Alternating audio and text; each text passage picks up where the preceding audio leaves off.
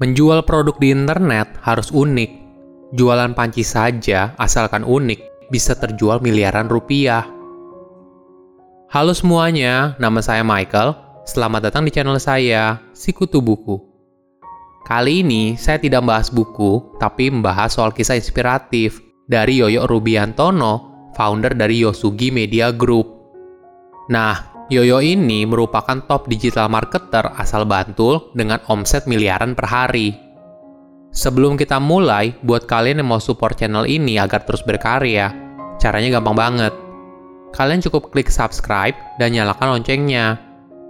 Dukungan kalian membantu banget supaya kita bisa rutin posting dan bersama-sama belajar di channel ini. Berasal dari keluarga yang sederhana, Yoyo kini dikenal sebagai pembayar pajak terbesar di Bantul. Walaupun begitu, Yoyo tetap tampil apa adanya, dengan karakternya yang rendah hati dan tidak pelit ilmu untuk berbagi. Semua kesuksesan yang diperoleh sekarang berasal dari kemampuan hebatnya dalam digital marketing, khususnya Facebook Ads. Setiap hari, Yoyo menghabiskan satu miliar per hari untuk mengiklankan produknya. Dari situ, dia mampu mendapatkan omset dua setengah hingga tiga kali lipat dari budget iklan, atau sekitar dua setengah hingga 3 miliar per hari. Penasaran nggak bagaimana Yoyo bisa seperti sekarang? Yuk kita simak bersama-sama. Yoyo Rubiantono merupakan pemuda asal Cepu, Jawa Tengah. Ayahnya merupakan pemilik bengkel, dan dari kecil Yoyo sering membantu ayahnya bekerja. Dari situ, dia belajar bagaimana caranya untuk memperbaiki sesuatu. Kemudian, setelah lulus SMA, Yoyo berkeinginan untuk melanjutkan kuliah di Yogyakarta. Hingga akhirnya dia diterima di Universitas Gajah Mada. Tapi, kondisi ekonomi orang tuanya saat itu tidak memungkinkan. Yoyo pun tidak kehabisan akal. Dia kemudian bekerja sebagai teknisi mesin cuci dan servis AC sebelum masuk kuliah di Yogyakarta. Sedikit demi sedikit uangnya terkumpul, hingga akhirnya tujuan utama Yoyo tercapai, yaitu agar dia mampu membayar biaya masuk di UGM sebesar 2 juta rupiah. Setelah diterima, Yoyo pun kuliah sambil bekerja freelance sebagai teknisi. Hingga akhirnya di tahun 2006, dia lulus dari jurusan teknik elektro di Universitas Gajah Mada setelah lulus kuliah, Yoyo sempat bekerja di beberapa pabrik milik perusahaan internasional. Setelah pindah ke beberapa perusahaan, dia merasa sepertinya susah untuk bisa jadi direktur di usia muda. Lalu, Yoyo memutuskan untuk banting setir menjadi pengusaha. Awalnya, dia mendirikan perusahaan konsultan migas bersama beberapa temannya. Usahanya pun sukses, bahkan berhasil mendapatkan klien besar seperti Pertamina. Namun, lama-kelamaan, Yoyo pun punya ide lain. Dia ingin bisa bekerja dari rumah agar dekat dengan istri dan anaknya. Di saat itulah, Yoyo memutuskan untuk mengembangkan bisnis digital marketing. Ada pelajaran menarik dari kisah Yoyo apabila kamu ingin berpindah karir dari pekerja ke pengusaha. Yoyo bukan tipe orang yang gegabah. Dia sudah mempersiapkan semuanya terlebih dahulu.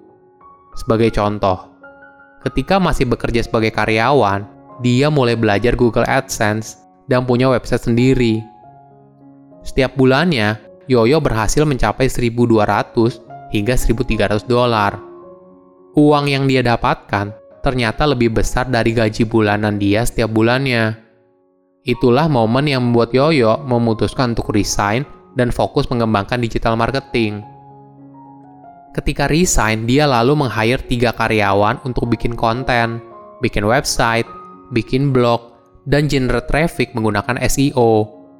Hingga akhirnya di tahun 2012, Yoyo bersama beberapa rekannya mendirikan perusahaan CPA pertama di Indonesia. Jadi, CPA itu adalah cost per action marketing, yang mirip seperti affiliate marketing. Di bisnis ini, kamu akan mendapatkan komisi dari suatu action yang dilakukan oleh pengunjung website. Actionnya pun beragam, bisa isi form, download software, hingga melakukan pembelian dari link yang tersedia di website kamu. Kemudian di tahun 2013 dan 2014, Yoyo memperdalam digital marketing lagi. Bagaimana menggunakan iklan digital. Dia sadar kalau bisnis CPA itu sepertinya sedang downtrend dan dia harus belajar hal baru. Kemudian, pada tahun 2015 hingga 2016, tren digital marketing beralih dari affiliate program ke e-commerce. Hal ini berarti perubahan menjadi pemilik bisnis, bukan hanya menjual produk orang lain. Hingga akhirnya, Yoyo sukses berjualan produk menggunakan Facebook Ads. Apa sih yang dijual hingga Yoyo sukses seperti sekarang? Awalnya, produk yang dia jual ada peralatan rumah tangga, salah satunya adalah panci. Dengan modal 10 juta, dia berjualan produk panci resto dari Cina dan menjualnya ke seluruh dunia dengan target utamanya adalah Amerika Serikat.